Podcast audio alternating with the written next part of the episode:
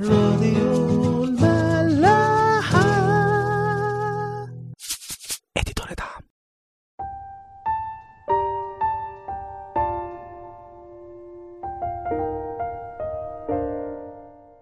أهلا بيكم في عيش وملح. خلصنا آخر مرة لصح ال 14 واللي حكى لنا عن ملك رحبعام في وقت حكمه على مملكة يهوذا واللي كان عاصمتها أورشليم واللي زي ما إحنا عارفين فيها الهيكل كمان.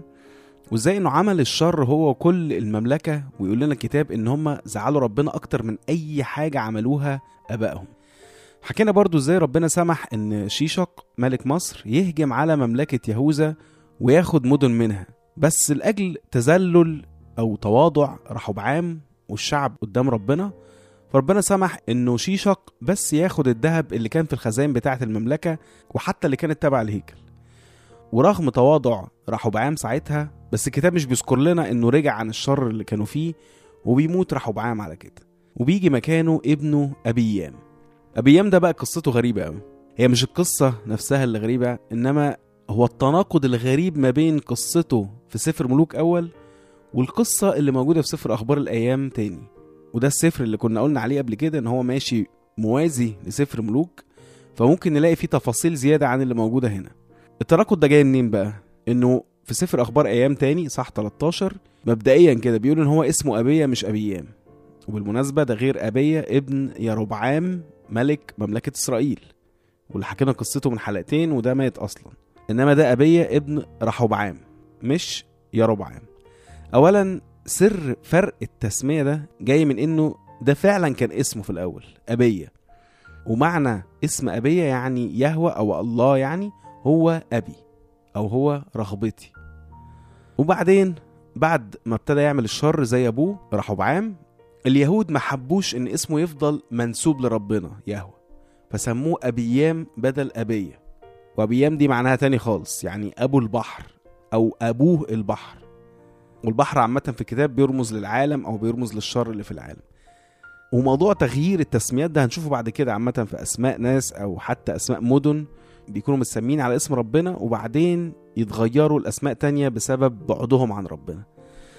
قبل ما نبتدي نتكلم عن قصة أبية أو أبيام أصلا ده سؤال ممكن نسأله لروحنا يعني يمكن إحنا دلوقتي أسمائنا بتفضل زي ما هي مهما بيكون الشر اللي بنعمله بس هنتخيل كده إن كل واحد فينا ليه لقب بعد اسمه أو بين قوسين كده. واللقب ده ليه علاقة بربنا. ممكن يكون الاسم أو اللقب ده خاص بينه وبين ربنا أو حتى ساعات في ناس بتبقى عارفاه بيه. يعني أنا يمكن مش في دماغي حاجة زي كده عن نفسي بس وأنا بفكر دلوقتي بفتكر ناس كتير أعرفها عندها ألقاب كده فعلا.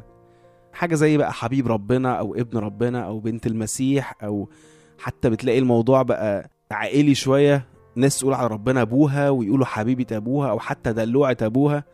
يعني المهم إنها أسماء كتير قوي الناس بتطلعها على نفسها أو ناس بتسميها الأسماء دي وفعلا الناس دي بتبقى عايشة بالأسماء دي.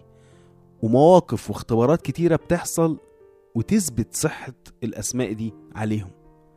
اللي عايزين بقى نقوله هنا إن كل واحد فينا ليه لقب زي ابيه كده. واللقب ده ليه علاقة بيهوى بربنا. واحد هنلاقيه محارب واحد هنلاقيه آه اجتماعي حبوب. واحد هنلاقيه فنان واحد هنلاقيه خير بيعمل خير كتير. ولو أنت مش عارف ودورت كده هتلاقي إن أنت كمان عندك تسمية معينة. لأن كلنا أولاد ربنا فطبيعي إن كلنا يكون لينا أسماء خاصة عند ربنا. بس المشكلة فين بقى برضو؟ إن الزمن أو الدنيا أو الحقيقة هو بعدنا إحنا وعملنا إحنا بتغير الألقاب أو الأسماء دي. وزي ما أبية كان في الأول أبوه يهوى بعد كده أبوه بقى البحر أو العالم.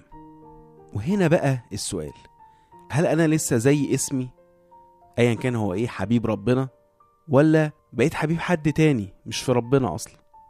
هل أنا لسه دلوعة أبويا اللي هو المسيح ولا دلوعة الناس؟ أو هل أنا محارب لربنا؟ بحب الناس في ربنا فنان لربنا بعمل خير عشان أكسب الناس لربنا؟ ولا كل ده اتغير وبقى للناس أو للعالم؟ فده السؤال. أنا اسمي إيه دلوقتي؟ اسمي على مين أو لمين؟ نرجع بقى تاني لقصة أبية اللي هو لسه اسمه على ربنا. وهنحكي أول جزء اللي هو الجزء الحلو اللي فيها. هنلاقي الجزء ده في سفر أخبار أيام تاني صح 13 هنقراه كده مع بعض ويعني هنقف نشرح حاجات بسيطة كده في النص. من أول عدد واحد لعدد 12 في السنة الثامنة عشرة للملك يربعام خلي بالكم إحنا رجعنا شوية للزمن أيام ما يربعام كان لسه عايش. وبنحكي الملوك اللي عصره بقى يربعام كده خلصنا رحبعام ودخلنا في ابنه أبية. ملك أبية على يهوذا ملك ثلاث سنين في أورشليم واسم أمه ميخايا بنت أوريئيل من جبعة. عشان ما نتلخبطش هنلاقي في ملوك أول تسمية تانية لأمه اللي هي معكة بنت أبشالوم وهي نفس الست يعني. هو الفكرة إن أوريئيل ده هو جوز بنت أبشالوم. فميخايا دي تبقى حفيدة أبشالوم. وكانت حرب بين أبية ويربعام وابتدأ أبية في الحرب بجيش من جبابرة القتال أربعمائة ألف رجل مختار ويربعام اصطف لمحاربته بثمانمائة ألف رجل مختار. جبابرة بأس ناحية 400 ألف وناحية 800 ألف أرقام مهولة وكلهم جبابرة بأس. وقام أبي على جبل سمرايم الذي في جبل إفرايم وقال اسمعوني يا يربعام وكل إسرائيل. ابتدى يعني يقول زي وعظة أو خطبة يعني. اسمعوني يا يربعام وكل إسرائيل. أما لكم أن تعرفوا أن الرب إله إسرائيل أعطى الملك على إسرائيل لداود إلى الأبد ولبنيه بعهد ملح. عهد ملح يعني عهد لا يفسد عهد ما بيحصلوش حاجة.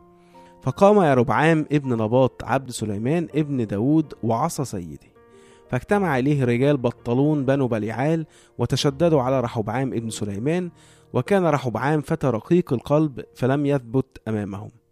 يعني هو بيقول إن حصل زي انقلاب ويربعام خد ناس ناحيته ورحبعام أبويا ما كانش قوي قوي سياسيا أو حربيا فما قدرش إن هو يثبت قدامه.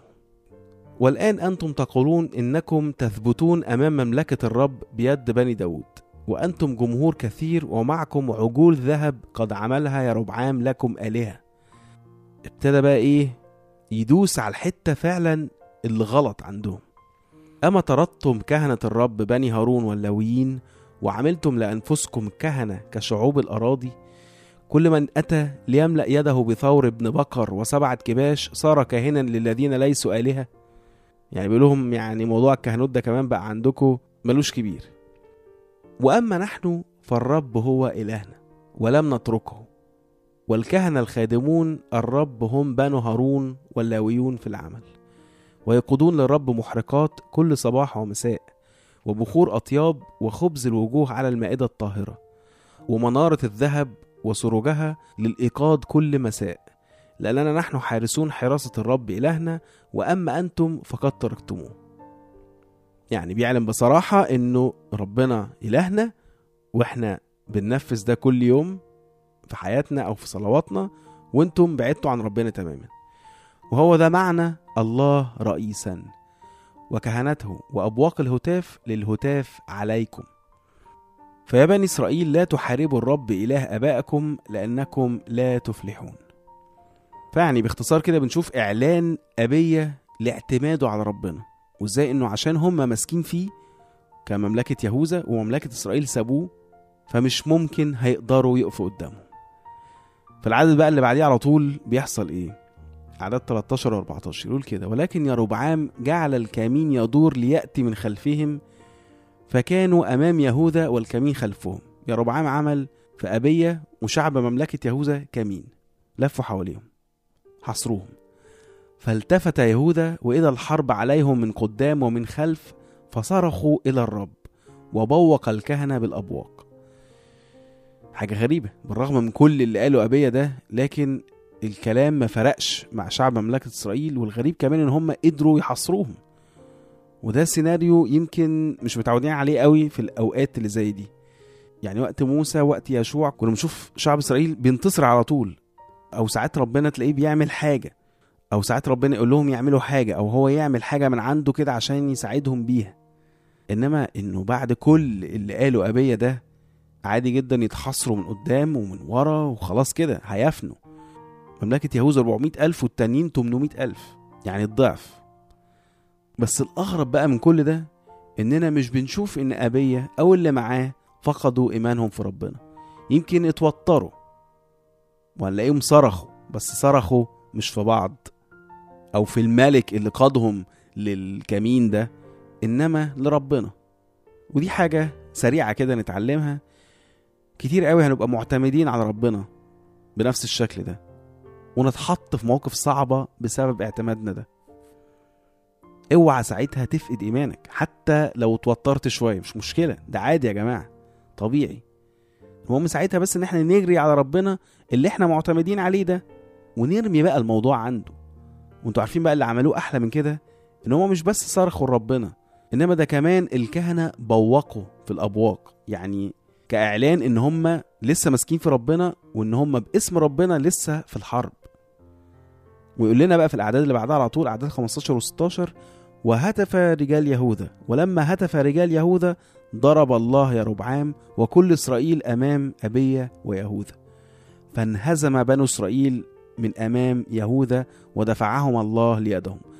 ولا فرق كمين ولا حصار ولا ذكاء حربي ولا أي حاجة. برضو ربنا خلاهم يتهزموا.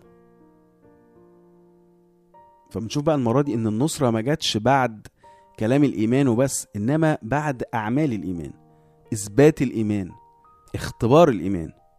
ومش بس الصراخ لربنا كان كفاية إنما لا خلاص أنت صرخت لربنا وحطيت الحاجة قدامه لا هم دخلوا في الهتاف. وده اللي جه بعد النصر يقول لنا ولما هتف رجال يهوذا ضرب الله يربعام وكل إسرائيل. ودي بقى أحلى حاجة ممكن نعملها بعد ما نرمي أي مشكلة عند ربنا إننا نهتف كاعلان بنصرتنا على المشكلة دي. ايا كان بقى شكل الهتاف ده إيه بشكل تسبيح بشكل حتى سلام داخلي أو فرح داخلي خلاص الموضوع بقى عند ربنا. انسى بقى المشكلة وشيل كل الهم وافرح على الآخر. واحتفل كمان لو عايز لأن خلاص المشكلة عنده وهو هيقوم بيها. وفعلا ده اللي بيحصل في القصة. بنشوف بعد كده إن شعب يهوذا انتصروا على شعب إسرائيل وقتلوا منهم 500 ألف راجل. هزيمة يعني مفجعة. وبعدين يقول لنا بقى إن هو ابيا طارد يربعام وأخد منه مدن كمان. ويقول لنا بعدها إن يربعام خلاص ما قامتلوش قومة بعد المعركة دي وربنا ضربه بمرض ومات بعدها بكام سنة. يمكن ما ماتش في عهد ابيا عشان ابيا ما طولش أصلا قعد ثلاث سنين إنما في عهد ابنه آسى بس حتى لو كان يربعام فضل حي فهو يعني عايش زي الميت. يربعام في الحالة دي بالظبط يفكرنا برضو بالشيطان اللي هو حتى لو لسه موجود إنما طالما ربنا معانا فهو ملوش أي سلطان ولا نصر علينا ابدا يعني زيه زي عدمه. فصدق قوي الموضوع ده وعيش بيه وعيش عليه. بس هل بقى أبية عاش عليه؟ للأسف مش بيكمل بقى زي ما ابتدى كده. وخلاص قصة أبية خلصت اللي موجودة في أخبار أيام تاني. ونرجع بقى تاني سفر ملوك أول الصح 15 باقي قصة أبية. هنشوف بقى قصة أبيام. اللي ما بقاش أبية اللي ما بقاش مع ربنا. واللي ما بقاش اسمه ابن ربنا إنما بقى ابن البحر ابن العالم. ولو قرينا كده مع بعض فعلا هنحس إن هو شخص تاني.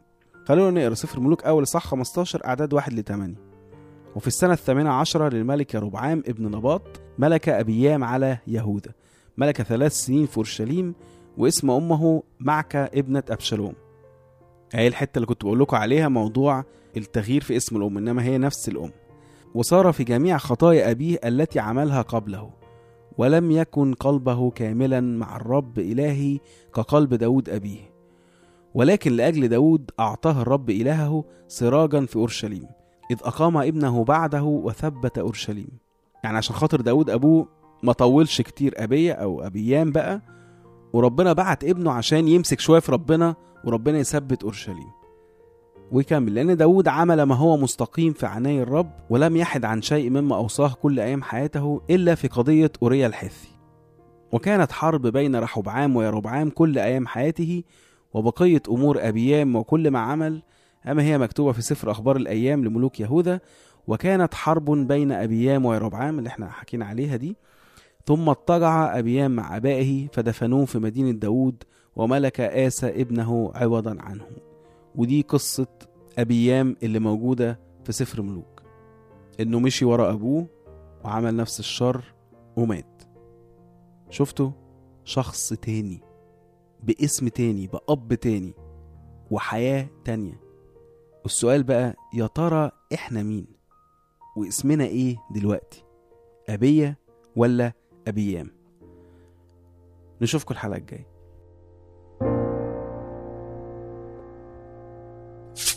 راديو ملاح.